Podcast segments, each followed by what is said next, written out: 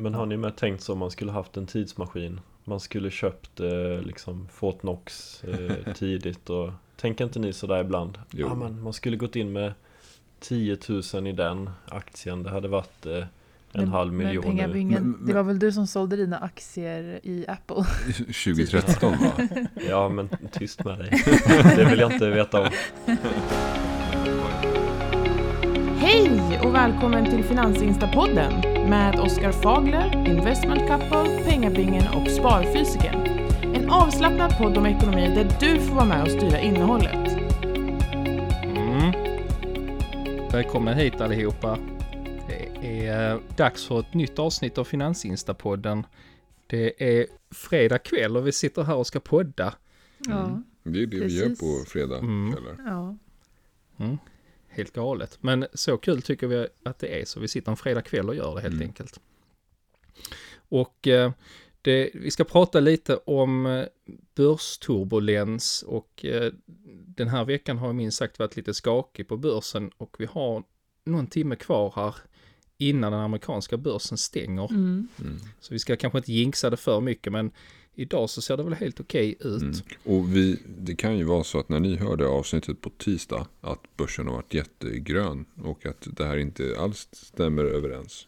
ja, precis. Med, Mm. med, Ja. ja, men, eh, men vi utgår från vad vi vet idag. Mm. Precis. Mm, så är det ju. Men vad, vad är egentligen en börsturbulens när vi säger det liksom? Bara- Ja, alla fattar väl egentligen kanske vad det innebär, men, men finns det någon gräns för hur mycket det ska rasa eller gå upp för att man ska kunna säga att det är en turbulens? Är, det- är det någon som har Jag, siffror? jag har inget bra mått på det. Nej jag vet inte men känns det inte som att en, en upp eller nedgång på 2% på en dag det är ganska Mm. mycket Mm. Mm. Jag, jag tänker om, om det rör sig 5% då kanske jag använder ordet rekyl. Rör det sig 10-20% så kanske man använder en korrektion. Mm. Och sen så mer än 20% då är det en, en riktig liksom, ja, krasch kanske nästan. Mm. Ja men jag tänker om, om det har eh, rört sig neråt flera dagar i rad då, då börjar det bli jobbigt efter ett tag Ja. Jag tänker på förra året där under våren eh, När börsen gick ner nästan varje dag under Jag vet inte om det var 10 dagar Mm. i sträck och till slut var det ner 30-35% Mm. Då Mm. är det Då är det många som tycker att det börjar bli lite Mm. jobbigt Verkligen. Det är ju många som Och då undrar. pratar man väl om en krasch Ja. snarare. Ja, men det är många som undrar varför det händer. Och egentligen så kan det bero på många saker. Men just nu så är det ju en stor oro för många olika saker och ehm, särskilt då inflationen. Ehm, det har ju också varit Mm. väldigt mycket prat om höjda skatter i USA. Och det tror vi också förbryllar lite grann och sådär. Ehm, Ja, just det. Ja, Ja. ehm, ja, det kan ju vara orsaken till dagens nu. Men mm, tittar vi på egentligen eh, de olika indexerna som man ofta följer så ser vi ju klart och tydligt att det är tillväxt, teknikaktier framförallt som tar jättemycket stryk. mm, Och har man ju bara Precis. indexfonder i portföljen då, då ser nog portföljen helt okej ut just nu. ja, Mm. Ja, värde och så går ju väldigt Mm. bra just nu. Och, och så, Men är kan man kalla det här att det är en, alltså att det är en, en sektorrotation då på gång eller? För att vi ser ju då liksom, vi ser just, ett, det har mer eller mindre varit ett litet ras här nu i veckan på då tillväxt framför Mm. allt. Medan värde har klarat sig fint. mm, Men Ja men definitivt Man såg ju många av de här aktierna med Digitala affärsmodeller som kanske gynnades där av Corona förra året Att många Stannade hemma istället eh, Katie Wood eh, i hennes eh, eh, Vad heter den? Arc Innovation Den Mm. gick upp 150% förra året Mm. och där är ju mycket Tesla, Roku, vad är det mer hon har där? Teladoc Nvidia. mass, Mm. massa. Men kollar man på de aktierna i år så är ju Teladoc är ner 60% helt Ehm, sjukt. Mm. Och Tesla är väl ner 30 eller något sånt där va? Även andra stora aktier som eh, Mm. Spotify är ner 45% till exempel Så att det är ju ganska rejäla bolag ändå som har tappat Mm. kraftigt här Ja. Alltså, det som förbryllar här är till exempel Teladoc som, vi, som du tog upp här. den är ju lägre just nu än i det djupaste raset där för ett år sedan. Ja, det är helt sjukt. Så att a- aktien är Ja. ju i princip på 2019 års nivåer. Eller början av 2020. Mm. Men så där kommer det ju vara också. Tillväxt har ju alltid mycket mer stryk. Mm. Ja. Eh, och det är alltid mycket mer volatilt än de andra. Mm. Och vill man läsa mer om det, varför det är så, lite hur det fungerar, så kan man läsa på om, om beta. Eh, det förklarar ganska mycket varför vissa aktier tar extra mycket stryk i motgång, men också har jättemycket medvind i Mm. eh, uppgång. Och kollar man på vissa eh, bolag som var högt värderade där under IT-bubblan för 20 år sedan eh, Intel till exempel så den har fortfarande inte återhämtat sig från den eh, toppen för 20 år sedan.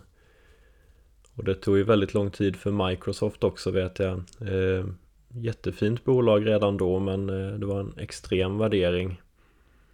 Och eh, det tar tid att växa in i det där om Även om man har väldigt fin tillväxt. Och det kanske är det börsen är mer rädd för nu att det finns så, så stor nedsida när eh, man har ju räknat på att de här aktierna kanske går med, med stora vinster om 5, 6, 7 år men eh, just nu så finns det ju inga vinster riktigt att, att, att, att luta sig tillbaka på. Mm. För just, du nämnde Arc Innovations innan. Jag tror den ligger, den låg på sitt högsta någonstans i februari kring 150-160 dollar. Jag tror den är nere på 100 nu. Så den har ju liksom tappat enormt. Mm, Det är ju mm. liksom, det är ju tillväxt alltihopa i stort sett.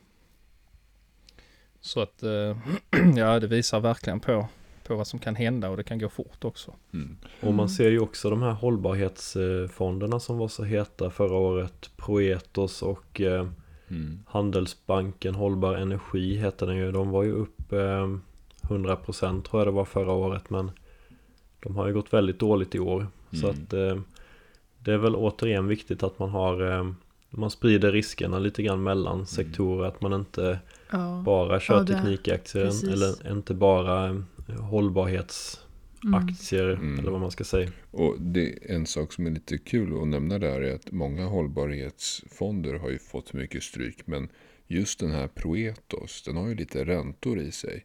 Så att den har ju klarat lite, alltså den har haft som en inbyggd krockkudde så att säga. Eh, Mm. till lägre risk. Så att den har faktiskt inte åkt på lika mycket stryk som många andra hållbarhetsfonder. Den är Den har bara ner tappat 12 typ. procent i år. Så. Ja, precis. 12 procent. Eh, Så, att, så att det, det är en viktig sak att tänka på. Vill man dra ner risken i portföljen så går det. Mm. Fastighetsbolag sitter jag ju ganska mycket med och de gick ju riktigt dåligt förra året men i år har de börjat ticka upp ganska bra. Mm. Det är viktigt, viktigt också att komma ihåg att, att eh, så man, om man- om man zoomar ut lite och tittar, och som vi pratar på Proetos där till exempel, så zoomar man ut då på tre år så är den upp 113 procent.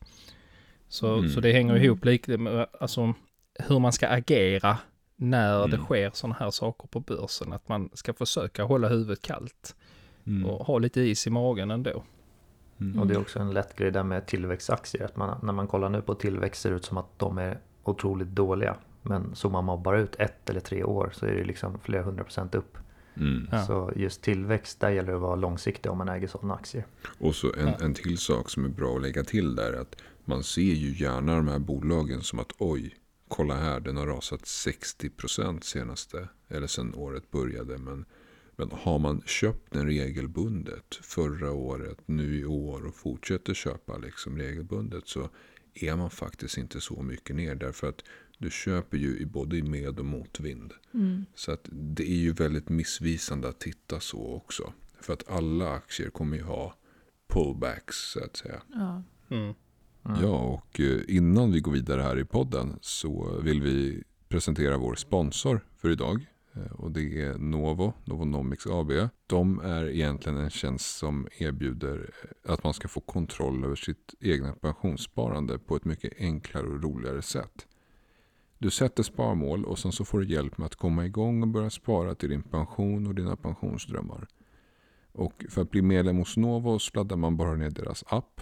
Den är väldigt smidig. Och du anmäler dig då till Novo Fund som är deras avgiftsfria fond egentligen.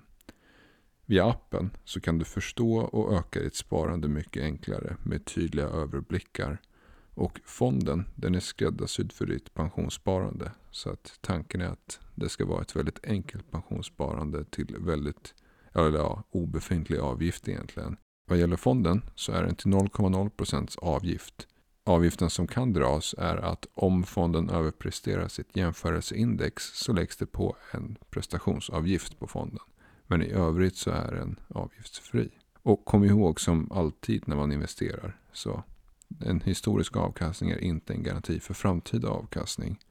Och att aktier och fonder och investeringar kan öka och minska i värde. Och det finns ingen garanti att man får tillbaka det insatta beloppet. När man väl kommer igång med Novo så finns det en massa olika smarta sätt och tips och tricks att spara extra på. Jag tänkte att pengabingen ska få ta lite, eh, ta upp några sådana här. Ja, men jag kan ju ta upp några av de eh, funktioner jag gillar bäst. Det finns en som heter Dagspar, ett automatiskt sparande där man sparar en liten summa eh, varje dag. Och sen finns det också Snabbspar där man sätter in ett valfritt belopp med några snabba klick.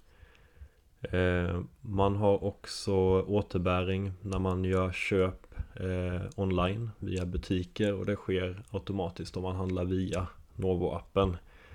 Min eh, favoritfunktion är nog ändå eh, enkäterna. Man mm. sparar på eh, enkätundersökningar som tar några minuter ofta och så får man en belöning i pengar då som går till sparandet man har på Novo. Och jag tycker man märker att den här fonden, eller jag tycker man märker att Novo-appen har blivit väldigt populär här på slutet. Och kollar man App Store och eh, Google Play där så har den ju flera tusen betyg och eh, väldigt goda recensioner där. Mm. Och det, det som är så fiffigt är just det här med snabbsparet. Eh, det, det sker ju liksom ett automatiskt mikrosparande som man kan ställa in själv. Och det här med att återbäring från butiker läggs in på ditt sparande. Eh, allt är egentligen tänkt att underlätta så mycket som möjligt för dig så att du inte behöver fundera. Och svarar du på några enkäter till exempel i appen så får du också pengar till ditt sparande. Och samma det här med autospar med, med om man använder kort. Det finns också funktioner för det som man kan läsa om hos dem. Ja, det jag gillar är att man, man sparar ju egentligen utan att man tänker på det. I och med att eh, varje gång man handlar till exempel så kan det föras över en liten slant till pensionssparandet. För det är väl ett stort problem annars att man, man tycker att det är så långt till pensionen och man orkar inte ta tag i det. Så att det här är ett väldigt eh, roligt eh, sätt att göra det och man vet ju att eh, tiden är ju en väldigt viktig faktor när man investerar så att ju snabbare man kommer igång med det här ju bättre är det. Mm. Så det är superenkelt. Det är bara att ladda ner Nova-appen idag och komma igång. Och där, väl där så kan du kombinera flera olika sparsätt och så kan du välja det sättet som passar dig bäst och skräddarsy ditt egna sparande så att du slipper tänka på det och det sker automatiserat. Det var det om Novo. Tänkte jag att vi går vidare i podden här. Mm. Mm. Men vad är era, era, bästa tips för att hur man ska, hur ska man agera när det ser ut så här på börsen? När det går upp och ner och man känner sig helt, ah, panik. Man, jag menar, mm. alla känner väl någon gång liksom att det här är lite jobbigt när det lyser väldigt rött i portföljen. Mm. Ja, um, vi har ju ett inlägg om det här bara för alltså, några dagar sedan. Och eh, det finns många bra tips, men ett bra tips tycker jag är att inte, inte göra för mycket heller. Försöka hålla, var långsiktig. Tänk inte att oj, nu måste jag sälja i panik för annars förlorar jag jättemycket pengar och sådär. Tvärtom så har ju vi, har ju vi börjat fundera på, ska man investera mer? Mm, precis. Jag brukar tänka så här när, när det är som värst, alltså när man mår illa för att det faller så mycket. Det, det är då man bara ska, nej, nu köper jag lite extra liksom. Mm. Eh, det har funkat nästan varje gång. Mm. Jag tror det är jättebra tips för att man, man eh, ofta när det går ner kraftigt eller när det går upp kraftigt då är ju den naturliga reaktionen att man vill göra någonting, att man ska agera. Men mm. Eh, det bästa kanske är att inte göra någonting alls. Ja, mm. Vi behåller ju såklart våra aktier och eh, vi hade ju senast för några dagar sedan i vår Instagram-story en liten frågestund då. Där vi bad våra följare bestämma hur ska vi göra med våra 700 000 som vi har i likvider.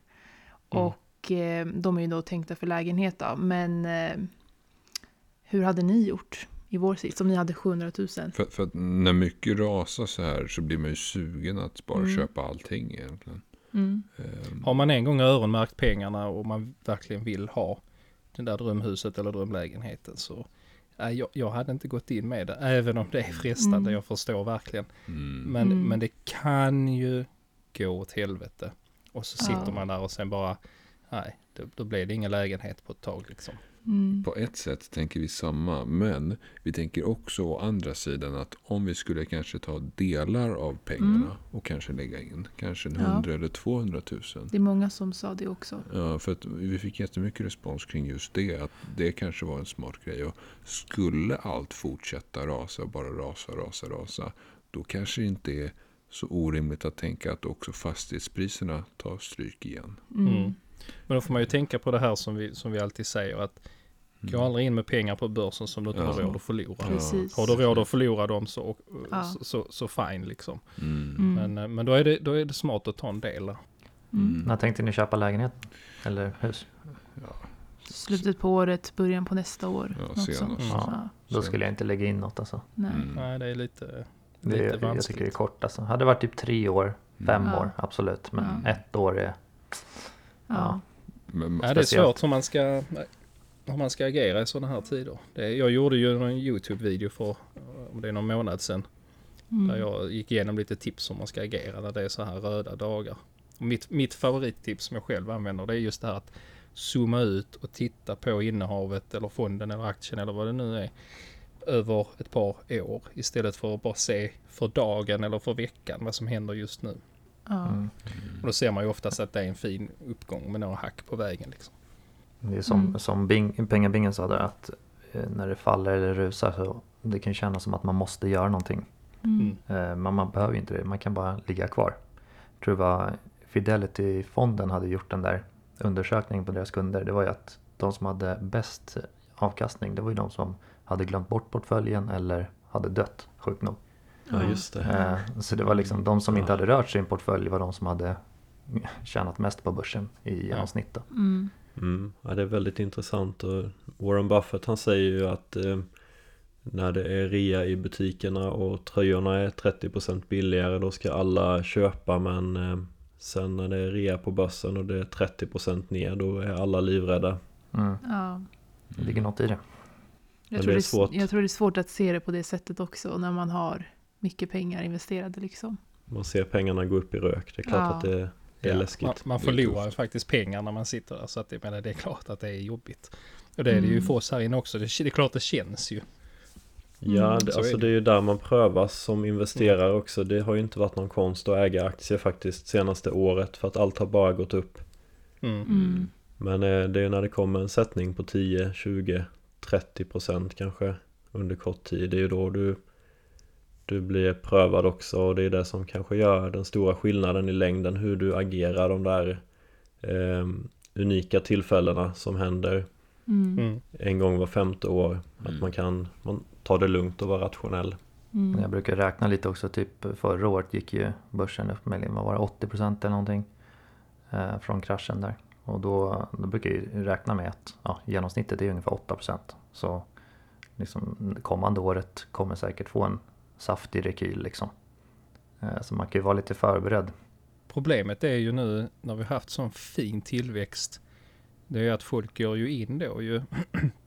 och så går de in här kanske på toppen nu och sen så då så helt plötsligt så blir det då en liten krasch och nedgång. Det är ju Mm. lite trist för de som har köpt in sig på toppen nu liksom kanske precis har börjat att investera och så bara går allting ner och det går ner och det går ner. Mm. De som har köpt Teladoc till exempel börjar med minus 60% liksom. Mm. Mm.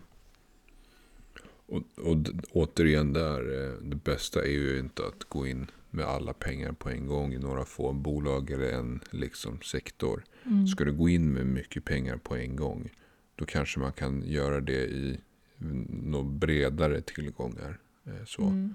Och inte bara rikta in sig på en viss sektor. Liksom. Eh, Och, och, eller kanske Nej. peta in pengar under några månaders tid. Mm. att vara, di- diversifierad. För här nu den här veckan ser vi ett klassiskt exempel på Mm. hur viktigt det är att vara bred i sina investeringar. Har man allting i tillväxt, ja då har portföljen tagit en rejäl smäll. Men har man då Mm. breddat sig också med stabila breda fonder och, och värde och, och sådant, Mm. ja då Mm. har man förmodligen inte fått ta den här smällen lika hårt som de som bara har allting i tillväxt. Ja, alltså har, har du investerat i indexfonder så är du i princip Mm. på all time high just nu. Ja. Mm. Och där kan man ju se att indexfonderna de allra, allra värsta åren, eh, 2008 till exempel, ja då kanske den kunde gå ner med strax över 50% men sitter man enbart i, låt säga en väldigt smal portfölj med fem tillväxtaktier då får man ju vara beredd på att portföljen kanske går ner upp mot 75% eller något sånt där och Mm. Eh, är man så pass kall så att man kan tolerera det så ja visst Men eh, det är nog inte många som åker med det Mm. Och, och ett problem där också är att eh, när det sker en så, så, så stor sättning och man har en koncentrerad portfölj med tillväxtbolag så är det sällan en garanti att de tillväxtbolagen kommer ta sig ur den krisen heller. Ehm, Och har man kanske en portfölj med fem tillväxtaktier och vi får en finanskris kan mycket väl vara så att en eller två konkar. Mm. Då, då blir Ja, det ja, ja. rejält med stryk i portföljen. Mm. Det är Mm. svårare att eh, om du investerar i index att en massa bolag du äger ska konka eller sådär. Och även om det skulle ske så ombalanseras det ju. Mm. Precis. Jag får ofta en fråga när det är, när det är sådana här dagar eller veckor där det är mycket rött. Så får jag väldigt Mm. ofta i min DM på Instagram eh, frågor om specifika bolag då. Varför händer detta? Varför går eh, Mm. Mm. bolag X ner så mycket idag? Mm. Ehm, och då brukar jag säga att ta en titt på hela börsen istället. Eh, Mm. Äger du tillväxtaktie, titta på hela tillväxt. Eh, går Ja. allting ner och inget fundamentalt har ändrats i ditt bolag, Ja ta, ta det lite piano liksom och andas. Um, ofta så är det då som det vi såg här nu med uh, rädslan för infla, inflationen och, uh, och höjda, eventuellt höjda skatter i USA som ställde till en hel del och det drabbade ju hela, hela tillväxt liksom. Ja. Men vad var, det för, vad var det för skatt han ville? Var det för kapital över en miljon dollar? Eller? Ja, så för, för folk som är ganska rika, eller Mm. ja, som är rika, som har en miljon dollar, eh, ska beskattas mer eh, Mm. kapitalvinstskatt. Jag vet inte exakt hur hög den var, men kring 40 va? Någonting. Ja. Och då tar man ut lite cash och lägger i annat. Ja, eller då tänkte man väl att då ställs de inför två val. Att antingen sälja av innan. eh, Eller hålla och hoppas eller kanske att... hålla och hoppas att Ja. skatterna ändras i framtiden. Ja. Och bara buy Ja. and hold så att säga. Mm. Ehm, Men sen så, det som var lite mer oroväckande var ju förslagen om höjd bolagsskatt. Ehm, Och det i sig är ju väldigt kontraproduktivt. Ehm, Det beror lite på hur man ser på det. Men i slutändan så blir det konsumenterna som betalar. Mm. Mm. Ehm, Och det togs kanske inte eh, emot jätteväl av marknaden. Men vad var egentligen tanken med att de ska höja skatterna? Är det för att betala för coronakalaset? Eller vad Ja, är det det? vet jag inte. Jag lyssnade lite på Anders Borg, han var med i en annan podd Och han pratade lite om det här med höjda kapitalskatt och hur det kan eh, påverka eh, Han pratade om eh, svenska innovativa eh, bolag inom tech och sådär att eh, Ofta är det ju Spotify till exempel har ju blivit jättestort och då kanske grundarna där har pengar som de skjuter in i mindre spännande projekt i Stockholm och så blir det liksom Det blir en spiral där man investerar i nya eh, innovationer Mm. Men om, om det inte finns ett bra eh, företagarklimat som det faktiskt gör i Sverige då Kanske det blir att man istället placerar de där pengarna eh, i fastigheter till exempel Mm. och eh, där, där blir det ingen innovation på det sättet eller så kanske man flyttar pengarna till utlandet istället. Ja, och det är ju ännu värre. Ja. Så, så att man ställer sig lite grann i, i en svår sits när man föreslår att höja skatter för bolag. Därför att eh, på sikt så står konsumenterna för notan och man minskar den här drivet till innovation, precis som du säger. Mm. Eh, ja, det är ju en balansgång hela tiden det där. Att, Mm. Och den är väl svår att hitta antar jag. Och vi såg ju reaktionen här nu då i USA så att vilka Mm. konsekvenser det får. Mm. Ja. Mm. Hur ser framtiden ut? Vad är er åsikt om det? På börsen då tänker du? Ja, Oskar, vad tror du? Jag tror att vi kommer fortsätta upp redan nästa år typ. Jag tror så här, nu är det inflationsoro. De tänker så här, hög inflation. Eh, sen när det väl händer då har alla redan prisat in det ganska mycket. Mm. Och när det väl vänder åt andra hållet så kommer det bli sticka upp ännu mer. Jag Mm. tror det faktiskt, trots den redan starka uppgången. Men vi får Mm. se. ja, jag är beredd att hålla med dig lite där Oskar. Mm. Mm. Ja, alltså kollar man på svenska index så är det fortfarande upp 10% på tre månader så att det är ju ingen Ingen kris på något sätt. På en månad så är vi ner 1% ungefär. Men det är klart, vissa sektorer har ju tagit mycket stryk och jag Mm. tror ändå att eh, tillväxt och eh, tech kommer att repa sig och eh, fortsätta gå starkt. Mm. Ingen aning på ett år hur det blir men eh, de kommande tio åren kommer det säkert fortsätta gå bra. Vi ska ju Mm. komma ihåg att det är ju, det är ju bara lite mer än ett år sedan som vi kastades in i en pandemi. Och det här är ju, alltså det finns ju knappt någon motsvarighet i modern tid överhuvudtaget till detta. Så Mm. jag menar, vi har ju haft ett år bakom oss som har varit väldigt konstigt om man då tittar ur eh, en investerares ögon. Först det här totala raset och sen så då en väldigt stark uppgång. Och nu har vi då en lite knagglig, som jag säger på skånskan, lite hackig väg här nu. Det går upp och det går ner väldigt mycket och det är mycket svängningar. Så Mm. att, eh, och jag personligen tycker själv det är väldigt intressant det här. Jag tycker det är superspännande. Jo men Mm. verkligen. Det, Ja. det, det är kul att liksom uppleva dynamiken i realtid. Mm. Mm. Ehm, Och sen har vi hela den här biten med krypto nu som har kommit igång, verkligen slagit igenom. Mm. Eh, Ja. Och vi är ju precis i början av det, men det, det är också häftigt att se. Och de svängningarna som är i krypto är ju helt bizarra. Mm. Om vi nu Ja. tittar på tillväxt så ser vi ju mycket svängningar där, men tittar man på krypto så är det ju tio gånger värre där. Mm. Det är som Doggen idag, 50% upp. Ja, men Ja, helt just det. galet. Det, det, det har väl att göra med eh, Elon Musks eh, tweetar va? Ja, just ja, det. delvis. Delvis. Ja, men det är några YouTubers som har gått in i den också. Ja. Allt sånt där bidrar ju. det är helt galet vil- vilken Ja. rusning. Just nu är ju börsvärdet, eller market cap, börsvärdet är det inte. Men, men cap 70 miljarder dollar. Mm. På något som egentligen skapades, vad var det, 2013 i syfte att vara totalt värdelöst va? Mm. Ja, ja. Det- Det börjar som ett skämt. Ja. Det är märklig värld vi lever i. Vi kanske ska lägga in en disclaimer där att man ska vara Absolut. försiktig med, med sånt där. Absolut. Ja, Men det Ja, är väldigt verkligen. spännande att följa. Mm. Verkligen. ja. Eh, nej, vi äger inga eh, Do- Dogecoin som det heter. Nej. Eh, nej, och jag tror inte någon av er äger det heller va? Nej, Nej. Nej. inget sånt. Men, men intressant att följa spektaklet är det ju. Mm. Ja. Ja, Man absolut. skulle ha köpt för 24 timmar sedan i alla fall. Ja, jo.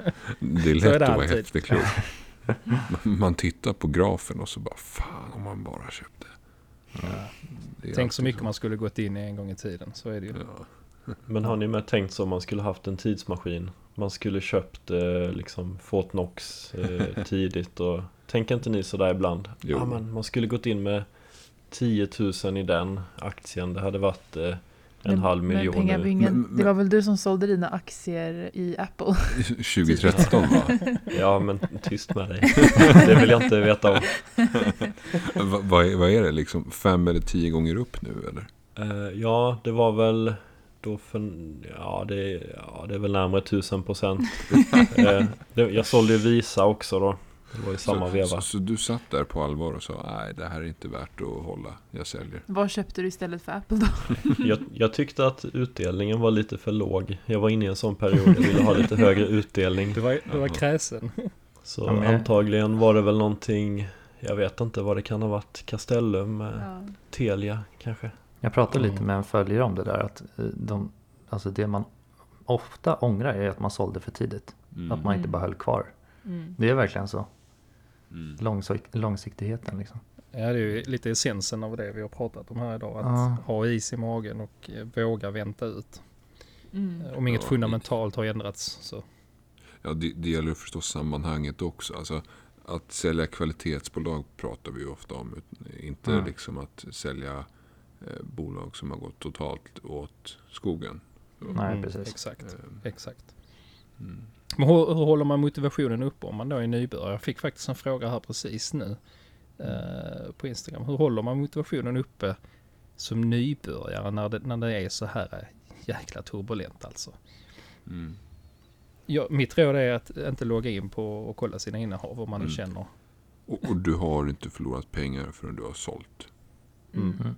Och sen eh, om om man är nybörjare förhoppningsvis har man ju då förstått att börsen är något långsiktigt, gärna 5-10 år eller mer. Eh, och om du precis har börjat då, då har du antagligen inte förlorat så mycket heller förhoppningsvis. Mm. Eh, och då kan du fortsätta köpa nu när det är lite billigare. Mm. Eh, och sen om några år så kommer det troligtvis gå uppåt. Men det är inga garantier som sagt. Men, Precis, och det är ju fantastiskt egentligen att börja med en rejäl nedgång när man har gått in med ganska lite pengar. Det gör ju ändå ont i procent men samtidigt har du investerat eh, 5000 kronor och du tänker att jag ska kunna månadsspara här 2000 per år de kommande eh, eller 2000 i månaden eh, de kommande 10 åren eller något sånt där. Då är det ju bara en väldigt, väldigt liten del av pengarna som du har på börsen nu så att egentligen ska man ju vara tacksam Mm. om det kommer en rejäl stjärnsmäll här nu. Mm. Och kom ihåg att det kommer finnas år där du har gått plus 42 000. Och det kommer finnas år där du har gått minus 50 000. Det, det bara är, det tillhör börsen. Mm. Precis, men är man långsiktig och investerar ofta så... Så är tanken att den Ja. långsiktiga trenden ska vara uppåt. Eller bör i alla fall historiskt. Baserat på historiska Mm. data vara uppåt. det som Men det är en gör del- mig lite... Ja, vad sa du? Eh, Det är ju en del av, och ger man sig in i leken så ska man förstå liksom att, att börsen rör sig upp och ner. Mm. Det, är, det, det är inte någonting unikt som händer när det går ner. Det har hänt förr och det kommer hända framöver. Precis Mm. som det kommer gå upp också. Så, så är det så. T- Tänk att du står på liksom eh, på en marknad och det säljs en massa frukt och, och, och grönsaker. Ena dagen kostar bananerna 15 och andra dagen kostar de 32. Det är bara så det är. Mm. Eh, Mm. Det, det är en mark- fri marknad där handel Mm. sker varje dag. Mm. Eh, Och Exakt. långsiktigt så, så brukar det löna sig. Jag tror jag är back eh, lika mycket denna veckan som jag kunde spara under ett helt år där i början. Så att det, Mm. Mm. det är ju det är så det är. I takt med att kapitalet ökar också så kommer ju svängningarna i kronor och ören också vara större. Och. Mm. det är väl säkert, jag tänker för dig med Oskar där att eh, det kan väl svänga ganska kraftigt för din del med va? Mm. Ja, jag har ju mycket tillväxt i min portfölj. Mm. Mm. Mm. Ja, och sen hör man ju lite ibland också det här att eh, den här, den, när det kraschar går ner bara så det här är unikt, det här, nu, nu är this is it, nu är domedagen Mm. nära. Det, bara, det, det här är liksom, det kommer aldrig återhämta sig igen. Men är domedagen nära? Nej, absolut inte. Tycker Ja, jag det i alla vet fall. vi inte. Nej, jag. Nej, nej precis. Nej, men Jag det- menar, vi, vi, eh, vi har ju gått som jag sa innan, vi, vi har ju gått igenom ett på helvetes eh, Mm. år här nu och eh, börsen finns fortfarande kvar. Nästan Mm. alla företag på börsen är ju fortfarande kvar också. Så jag menar, det, det tuffar på. Ja. Jag kollar på en riktigt lång eh, graf där över index eh, på 50-60 år. Så ser man att alla gångerna när det har gått ner eh, kraftigt så har det kommit en stark återhämtning också. Så att eh, Mm.